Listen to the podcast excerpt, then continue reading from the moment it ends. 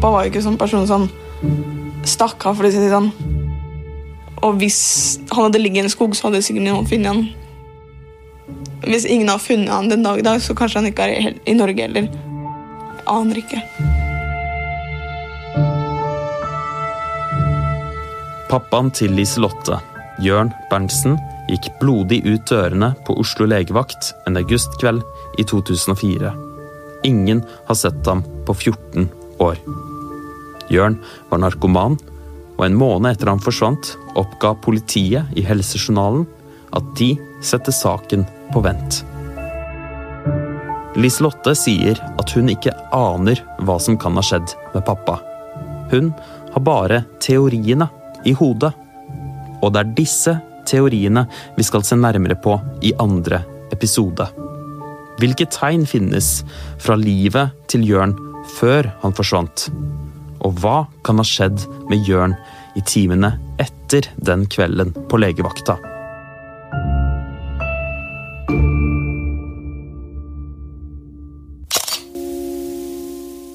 Sitter i trappa. Jeg og pappa.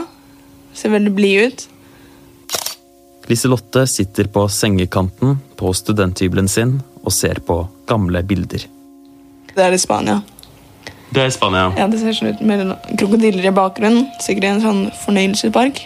Her står jeg, ser på krokodillene i undertøy og bleia, tror jeg. Krokodillene bak, og han i bar overkropp og liten tatovering på ja, sin uh, høyre skulder. Riktig. Det er jul, en julaften. Ja. Du smiler jo fra øre til øre på det Ja, bildet der på julaften. Jeg gjør det egentlig mest i bilder vi ser på. En veldig glad person med pappa. Han var en veldig snill person. Er det husker jeg mest. Jeg kan ikke huske at det er noe annet. Liselotte husker altså bare en bra far. Men en dag i fjerde klasse kommer mammaen, Hege Himberg, inn på rommet til Liselotte og forteller henne om forsvinningen. Jeg husker hva mamma sa at pappa er borte, men han kommer tilbake sikkert. Vi bare venter. Og så ok, da venter vi, da. Hva skal jeg gjøre?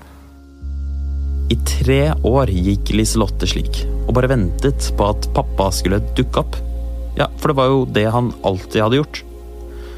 Selvfølgelig vi ville hatt han i dag, liksom. så jeg tror ting hadde kanskje vært litt annerledes. Hva hadde vært annerledes, tror du? Eh, jeg vet ikke. Eh, det er litt vanskelig å si. Eh, det er litt trist, da.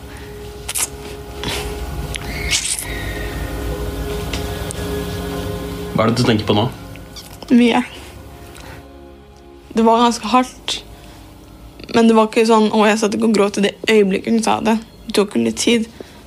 Kanskje det føles sånn tomt eller hardt å tenke på at å, han kommer aldri til å være her igjen, liksom. Men de gangene jeg satt der, så skjønte jeg at andre kom tilbake. Og han kommer virkelig ikke tilbake.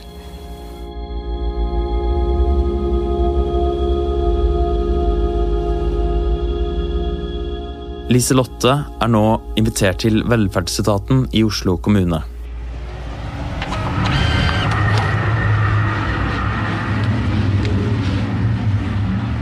De driver med rusomsorg og sitter med opplysninger om det siste året til Jørn.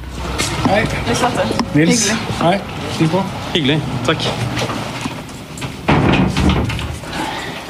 Jeg heter altså Nils Harkestad. eh, og jeg var, eh, var institusjonssjef på to av de institusjonene som, eh, som Jørn bodde på. Så jeg husker den. Men det er lenge siden. Ja, ja, så, det er eh, 13 år tilbake. ikke sant? Du dukker jo ofte opp her i disse her eh, notatene, for jeg har scrollet litt sånn tilbake. Eh, sånn at eh, når Jørn var i eh, nykter og eh, og i fin form, så ønska han å holde kontakt både med Hege og med deg. Ja, det skjønte jeg. Ja. Men det gikk jo ofte gærent. Selvfølgelig. Ja. Det jo ja.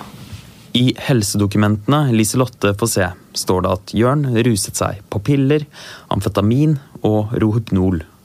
I desember 2003 fikk han plass på Blindern rehabiliteringssenter for å bli rusfri. Men Jørn slet også med dårlig psykisk helse. Jørn har i løpet av eh, tiden han har bodd på Blindern, opplevd seg selv som psykotisk eh, i sammenheng med inntak av rusmidler. Nei, for da, da, er, da mister du kontakten med virkeligheten. Er riktig. Ikke sant? Og, da, um, og det her, for mange så er det som rusutløste tilstander, hvor du begynner å se ting som ikke er der, føle, bli redd for ting som ikke fins. Altså alt dette her. Jørn fortalte at han har hatt ett selvmordsforsøk og vært nær overdose i løpet av den tiden han bodde på Blindern. Ja, det var en gang vi var på McDonald's, tror jeg. Og så tok han overdose på toalettet. Ja. Og så måtte vi ringe politiet. Ja, Men det var ganske liten. Det husker jeg mamma fortalte. akkurat. Ja. Teori 1. Den kvelden på legevakta. Kan Jørn ha vært så fra seg, eventuelt psykotisk, da han gikk ut av dørene, at han valgte å ta sitt eget liv? For eksempel ved å sette en overdose.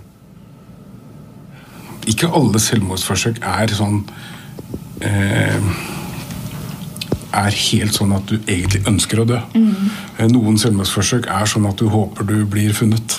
Men det er i hvert fall en, han har i hvert fall snakka om det, at han har vært så langt nede at eh, han har både prøvd og tenkt på det med å ta livet sitt. Da. Harkestad husker godt at han ble bekymret for Jørn, for at det hadde skjedd ham noe. Han er glad for at etaten han representerer, derfor lette i de avgjørende dagene etter at Jørn forsvant. Nei, vi gjør jo alt vi kan for å prøve å finne ut hva som har skjedd. Eh, Vi har jo noen rutiner som vi følger, eh, og det er jo så langt som eh, som vi på en måte kan gå i, i våre stillinger og med våre roller. Resten er liksom politiets jobb, da. Helsejournalen til Jørn vitner også om en vilje til å leve. Halvåret før Jørn flyttet inn på Blindern, hadde han vist god rusmestring. Han sa at nå vil han komme i gang med arbeid igjen. Han ville finne ut av fremtiden og følge opp samtalene med psykologen sin.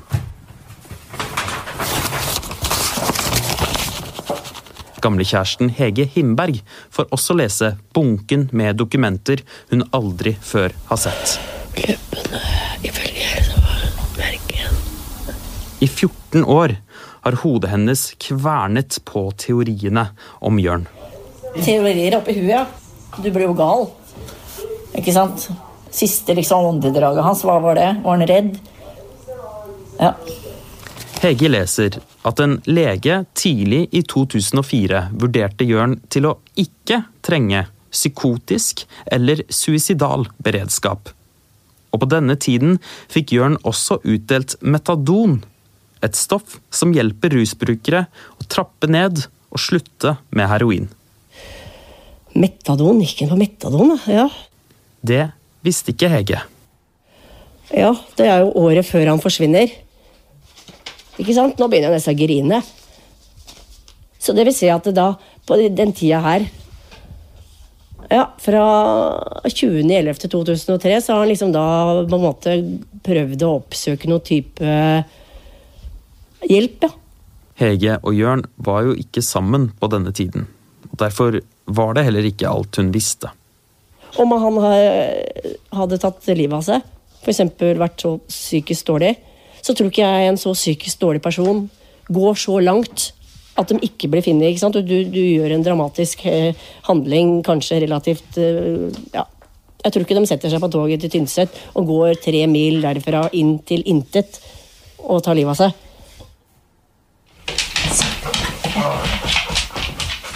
Hundene til ekteparet Geir og Marianne Granberg løper rundt i sirkler på stuegulvet. Også Geir og Marianne vurderer teorien om selvmord. La oss si han skulle gjort det selv, da. Hvis du tar livet ditt, så blir det som regel funnet før eller senere. Du klarer ikke gjemme deg så godt at du blir borte. Så det Men vi har jo ikke hørt noe om at uh, området rundt legevakta er gjennomsøkt heller. Akerselva er lang, den.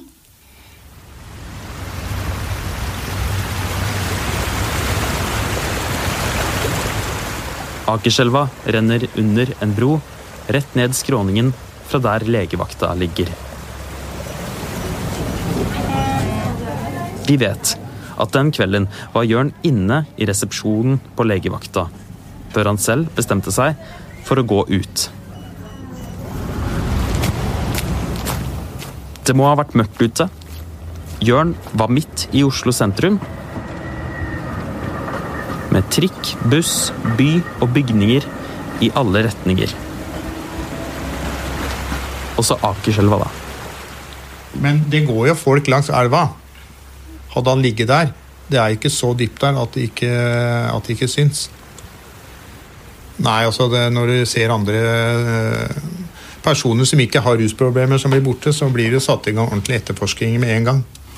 Nei, det ble etterlyst i avisa, og, det beskrives veldig mye i media om dette. her. Politiet går ut med etterlysning av personen, og, og de vil gjerne ha informasjon. Om noen har sett den personen, eller Ja. Og her er det ingenting. Kona Marianne nikker. Man lurer jo på eh, hvor hvor er han? Altså, vi har jo masse skog og mark rundt omkring i landet her, så det er jo nok av områder å, å ta av. Men man, man, lurer jo alltid på eh, Får man noen gang et svar? Dersom Jørn begikk selvmord, så var han i Norges største by. Og det er grunn til å tro at liket av ham ville blitt funnet. Men så var det disse 8000 kronene han tok ut fra minibanken den kvelden. Hva skulle han med de tusenlappene? Var det penger til dop? Til togbilletter? Flybilletter? Eller var det som Jørn selv sa, at han var blitt overfalt og ranet? Bestekompisen Omar har uansett stusset på det beløpet. Jeg veit at han pleide å gå i minibanken, og sånn, men han pleide aldri å ta ut penger han vet til mer enn det han trengte. Eh, Enten så tok han ut 200 kroner, eller så tok han ut 400 kroner. Det kan hun sikkert se på kontoutskriften hans før det. At uh, det var det han pleide å ta ut, liksom. Så kjøpte han seg det han skulle, så rørte han ikke noe mer. Hvor han gikk etter legevakta, ville uansett videoopptak kunne si noe om. Men Geir er klar på at det er umulig å fremskaffe. For eh, det ble ikke anmeldt, eller Politiet satte ikke i gang med etterforskning. Og da er alt det slettet, både i minnebanken og legevakta, mener jeg. At det eh, opptaket fra legevakta var sletta.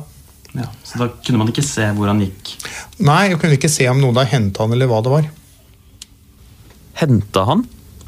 Hva er det egentlig Geir tror skjedde med Jørn? Nei, altså skjedde. Altså, enten har han gått derfra, han har ikke villet være der, eller så er det noen som har vært og henta han. Når du er på legevakta, og du er banka skikkelig øh, søndag sammen, kan du si, så mener jeg at han, øh, han har ikke tatt livet sitt selv. Det har han ikke gjort. Det er noen som har tatt, øh, tatt noen dager.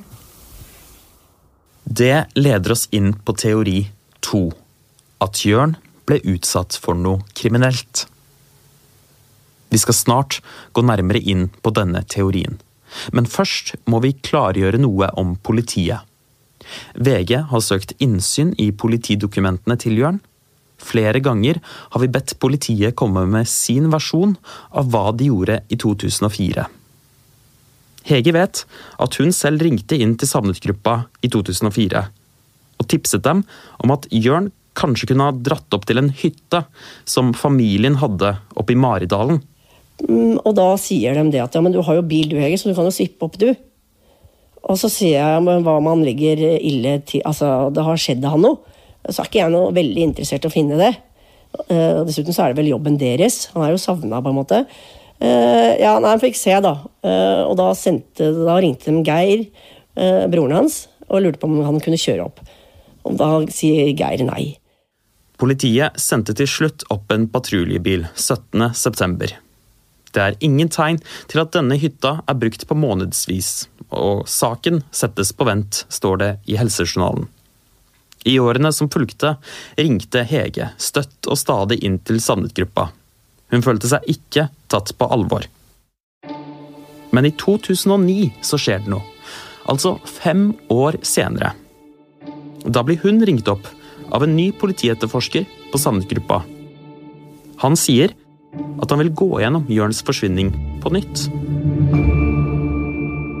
Altså, du blir jo, For det første så blir du litt paff da, når du plutselig ringer en og forteller at han skal eh, altså, gjøre ferdig saken. Og Det var jo derfor han liksom overtok den, for å hente inn på en måte fra hospitset, fra legevakta. altså Loggførte alt som på en måte skjedde den kvelden, og den var forplikta til. da. Men eh, før det, 2004, når han forsvant, så ble ikke det gjort. Det ble gjort i 2009. Fem år etter. Kan det være at de gjorde noe som du ikke vet om? Det tror jeg ikke. Hvorfor ikke? Fordi at uh, han som overtok saken, han sa det at her er ikke gjort noen ting. De, ikke ha gjort, altså, de har ikke gjort det de absolutt må engang. Men uh, han sa det, så hadde jeg kanskje kommet mye før inn i bildet. Så kunne vi i hvert fall ha funnet ut kanskje hva som hadde skjedd. Men når- fire-fem år etterpå, da er det Da sa han jeg må bare gjøre det som er pålagt, i hvert fall. Og det var det han gjorde da. Denne politietterforskeren, som ifølge Hege hentet inn logger og dokumenter fra Fredensborg fem år etter. Hvem var han? Hege husker ikke navnet. Han sa jo unnskyld annenhver setning etter hvert. Altså, han var flau over kollegaene sine, på en måte. Ok, men nå må vi tilbake på sporet av Jørns siste bevegelser. Jørn bodde på rom 510 på Fredensborg.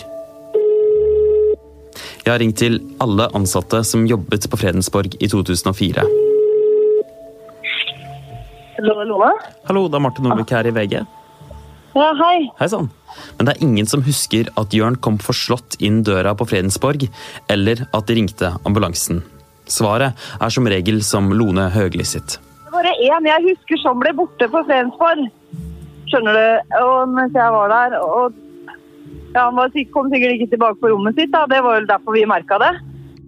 Høgli setter meg likevel på nye tanker. Men har du tatt oss og ringt og snakka med de som driver og kjører ambulanser og sånn? da? De må jo ha noe data på det. De må jo registrere vel alle mennesker som de henter. Det, jeg har ikke tenkt tanken, men det var bra du sa det. Det hadde jeg jo helt klart eh, ringt og undersøkt. Altså, du har jo, da, du har jo dagen han ble borte. Mm. Har du ikke det? Sånn Jo, jo. cirka i hvert fall. Jo, Og jo. så har du jo navnet, så har du uansett så har du adresse veien. Ja.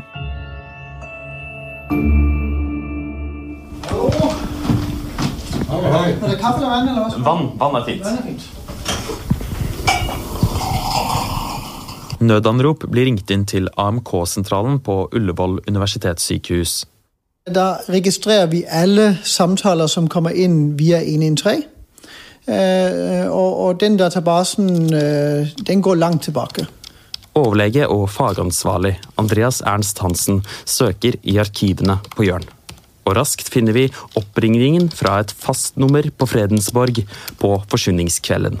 Eh, jeg ser at ehm, det står som I problemfeltet står det at han er blitt slått ned, at han blør for hodet, og at han har sånn en tendens til å besvime. der. Så øh, vi sender da en, øh, en ambulanse til stedet, hvor han blir plukket opp Øh, klokken 23.55. Og allerede ti minutter etter der leveres han på eh, legevakten i Oslo. Og det er det siste vi vet. Er det noe mer i systemet? Ja, vi har én oppførsel mer. Oi. Vi har en oppringning til fra dagen etter, den 19. august 2004 klokken øh, 22.24.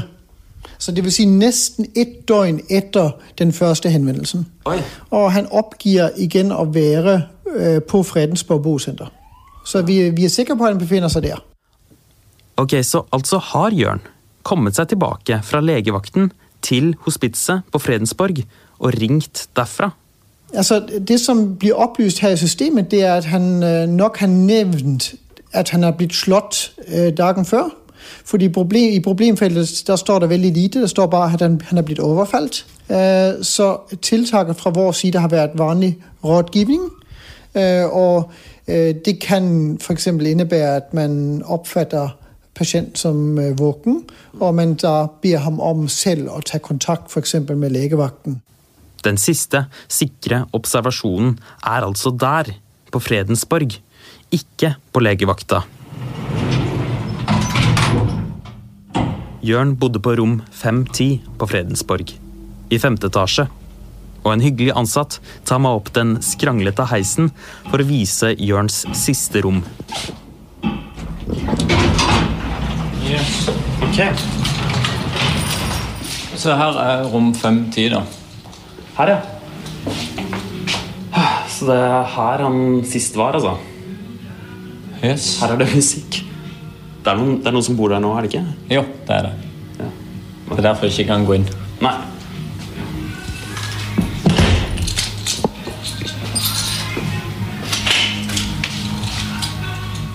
Men du skulle vise meg noe annet. Hva var det?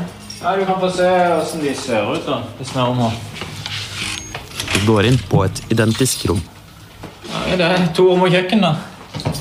Så er det bad. Det er litt sånn eh, linoleumsgulv og Får jo sånn, Det er jo litt sånn institusjonsfølelse. Det er fin, det er fin utsikt der, i hvert fall. Ja, det kan jo se ut i byen her. Så på andre siden så er det liksom som, det er litt tristere, for du ser rett ut i kirkegården. Det hender jo at folk ikke har lyst til å bo på andre sida. For det at eh, Ja, for rett og slett fordi det er en kirkegård, og det kan være litt sånn creepy. Ja. Nei, men her var den, altså. På et sånn her rom. Mm.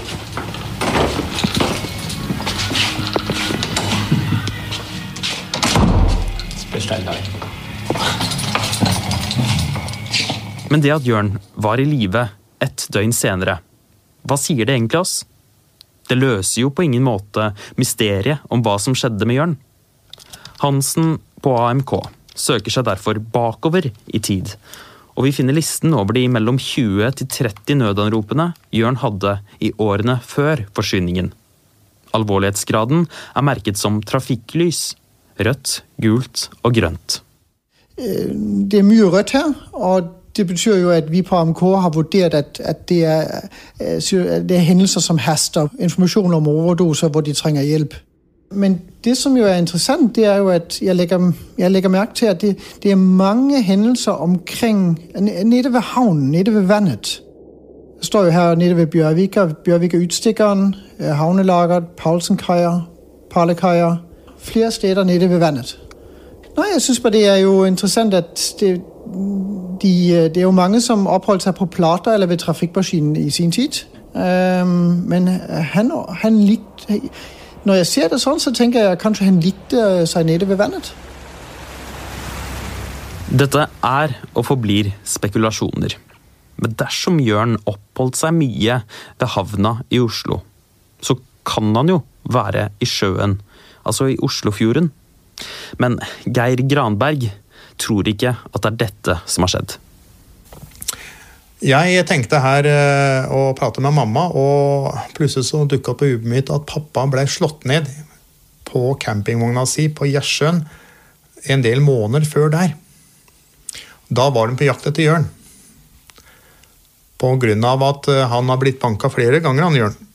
Og pappa hadde tatt han Jørn med seg, reist ut av Oslo. Han selger jo stoff da, fra disse gjengene som uh, holder på i byen.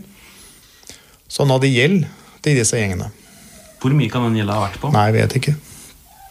Men du vet at han hadde gjeld? Ja, mamma sa da at, at, han hadde tatt av låset, og da hadde han ikke klart å betale det. Og da får han en frist på å betale de pengene, og det klarte han ikke. Og da ble han banka. Og det, det er også det som har skjedd i legevakta. Det er at han har sikkert fått en siste frist. Så har de dratt han med seg til minnebanken, og så har de fått ut 8000 kroner. Og så har de tatt den av dage. Det kan jo synes som et, et spenn da, mellom å bli banka opp og bli tatt livet av. Sier Marianne, kona til Geir, som er klar på at de kan jo ikke være 100 sikre. Um, men hvis han ringer og ber om hjelp, så tyder jo ikke det på at han har tenkt å ta livet av seg.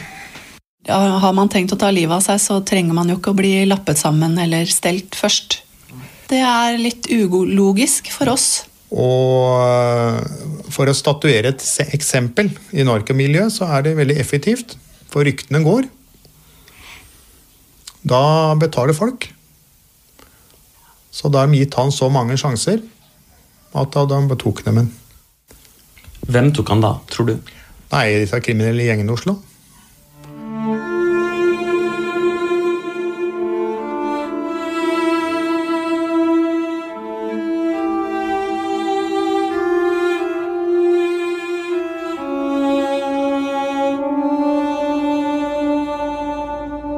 Foreligger ingen konkrete beviser for at Jørn ble drept.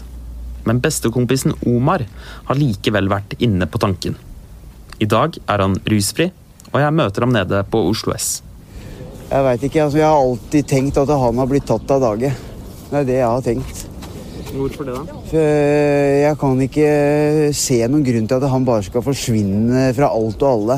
Han ønska i hvert fall veldig sterkt å bli nykter og, og kunne være med på oppveksten av Liselotte. Hang dere rundt her, eller? Hang rundt her, ja. På Oslo S og på Plata, gamle Plata. ja. Totobua som lå der. og... Hva gjorde dere her, da? Nei, Vi var her, hang her, og det stort sett så var det når vi skulle kjøpe det vi trengte. Omar forteller at det siste året dopet Jørn seg mye på rohypnolpillene, og at disse stammet fra østeuropeiske kriminelle. Så hadde han krita rohypnol av de. Av de jugoslaverne, og han var litt nervøs. Både Hege og Liselotte har jo vært inne på tanken om at Jørn kanskje ikke er i Norge. Kanskje er han et eller annet sted i Europa? Jeg vet virkelig ikke, men i Jørns forsvinning så kan vi ikke utelukke noe som helst, fordi vi har så lite å gå etter. En annen ting som er interessant, er at også Omar ble kontaktet i 2009 av en politietterforsker som ville se på saken på nytt. Han spurte om jeg kunne komme ned, om vi kunne ta en prat. Han var lei seg og, og så nesten skamfull for at politiet hadde gjort en så dårlig jobb og ikke gjort noen ting mer med, ut av den saken der. Jeg syns han var en fantastisk mann, og jeg, jeg er imponert av han at, han at han ville gjøre noe, prøve å nøste litt opp i den saken her. Det er Oslo politidistrikt som har ansvaret for etterforskningen av Bjørn-saken. Men hvis du forsvinner i Norge, så blir du også registrert hos Kripos. Kan de, som sitter med det store spekteret av forsyningssaker i Norge, gi oss noen ideer eller tanker om hvorfor Jørn eller andre bare blir borte? Ja. Seksjonsleder Heidi Frydenberg tar oss inn i gangene på Kripos i Oslo.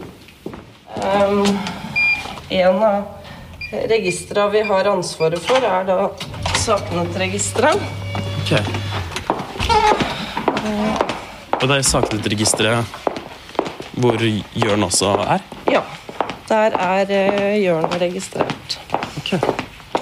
For det er sånn at hvis du har vært borte i, i tre måneder, og man ikke har noe tegn til uh, at man lever, så blir man registrert i saknaregisteret. Da samler politiet inn generelle opplysninger. Det kan være tatoveringer, det kan være klær, eh, utseende selvfølgelig. Eh, Cirka høyde osv. Eh, opplysninger og også tannjournal og DNA kan registreres. Opplysningene skal gjøre det lettere å identifisere personen dersom det skulle dukke opp et lik eller personen kommer tilbake i live. Det vi ser er at det er mellom 15 og 30 personer hvert år som blir eh, meldt savna. sakna. Men altså, det er veldig mange som blir etterlyst som sakna. I fjor var det nærmere 2000 som ble etterlyst som sakna. Men som sagt mellom 15 og, og 30 hvert år da, som vi regner med er antatt omkommet, de blir registrert i saknetregisteret. Ifølge Frydenberg finnes det noen grove kategorier over hvorfor folk forsvinner. Og hun begynner med de som har vært utsatt for en ulykke. Kanskje man vet hvem som har vært om bord i en fiskebåt, og den går ned, da, om man ikke finner alle. Eh, men vet, man vet at et visst antall har vært med, og hvem de er. Mm, da er de jo antatt omkommet. Eh, men så skal vi også huske på med saknetregisteret at det er noen som velger å forsvinne. Så det bør ikke være en kriminalsak. Eh, både du og jeg kan velge å forlate Norge i dag. og ta opphold i Spania eh, under et annet navn, og fordi vi ikke ønsker å bli funnet. Det kan ligge mye bak det. Kanskje vi ønsker å bryte med familien, kanskje vi ønsker å komme ut av et miljø. Eh, og så er det jo selvfølgelig noen som blir tatt av dage, og så finner man aldri et lik. De kan ligge der. Og så er det jo selvfølgelig noen som velger å begå selvmord, og gjør det på en sånn måte at man ikke finner det igjen. Og så har vi en kategori som er annet. Man har ikke noen holdepunkter for å vite noe om hvorfor vedkommende er borte. Av kategoriene Frydenberg nevner, er det én mulighet for Jørn som vi ikke har vært inne på. Hva om Jørn ønsket å forsvinne, bryte med miljøet og dra til et annet land? Dette er teori tre. Og husk at det å skape seg et nytt liv verken er ulovlig eller kriminelt. Men Marianne Granberg, kona til Geir, er usikker igjen. Altså, han hadde jo ikke penger, bortsett fra det man fikk ut på kortet den natta. Um, du har jo ingen um, utdannelse uh, å snakke om, ikke noe som er fullført. Du har på en måte ikke de personlige ressursene da, som vi tenker skal til for å kunne etablere deg på nytt i en annen verdensdel, f.eks. Um, og, og, uten engang å gi livstegn til seg til uh, Hege og Liselotte, da. Liselotte. Ville Jørn har dratt fra Liselotte? På sengekanten sitter hun og ser på en tegning fra Jørn. På den er det to strekmennesker. Én liten og én stor. Der står det 'Liselotte er lille prinsessa til pappa'. Der er bilde av meg, eller han har tegna, da. Med sprekktur sånn ja, fire mennesker. Meg og pappa. Og så hus, sol i hjørnet, med to trær. Og så står det 'ja, til Liselotte fra pappa'. I 2000. Han sa jo at han var glad i Liselotte, Sandheim og hadde jo lyst til å se henne vokse opp. og Han hadde dårlig samvittighet òg, vet du. Ja, for at han ikke kunne være den faren som uh, kanskje Liselotte trengte, da. Han elska jo Liselotte. Ja, det var jo prinsessa hans, det. Han klarer ikke hjemme, han gjemmer seg ikke sånn, blir borte sånn eh, frivillig. Altså det, da hadde han gitt livstegn. Og overfor Liselotte Han var veldig glad i Liselotte. Da hadde han gitt livstegn fra seg. Pappa var jo ikke sånn person som stakk av, for å si det sånn. Han var ikke en manglende far, liksom. Det skal jeg ikke si. Han var jo der til jeg var i fjerde klasse, liksom. Dermed står vi igjen med tre teorier. Selvmord, tatt av dage eller dratt frivillig. Ingen kan bekreftes, ingen kan utelukkes. Vi har rett og slett ingen bevis å gå etter. Liselotte har søkt om å erklære Jørn Berntsen død. Og i neste episode skal vi bli med i retten for å se om Jørn får en grav. Og én ting til. Han politietterforskeren fra 2009 som verken Hege eller Omar husket navnet på. Vi har funnet ham. Denne saken er en av de sakene jeg husker godt, og jeg har tenkt mye på den i ettertid. Sier Rolf Bergersen, pensjonert politietterforsker. Når jeg åpnet saken i saksdatabehandlingssystemet til politiet, så ble jeg veldig overrasket, for da fant jeg kun ett dokument i saken. Et dokument? Et dokument.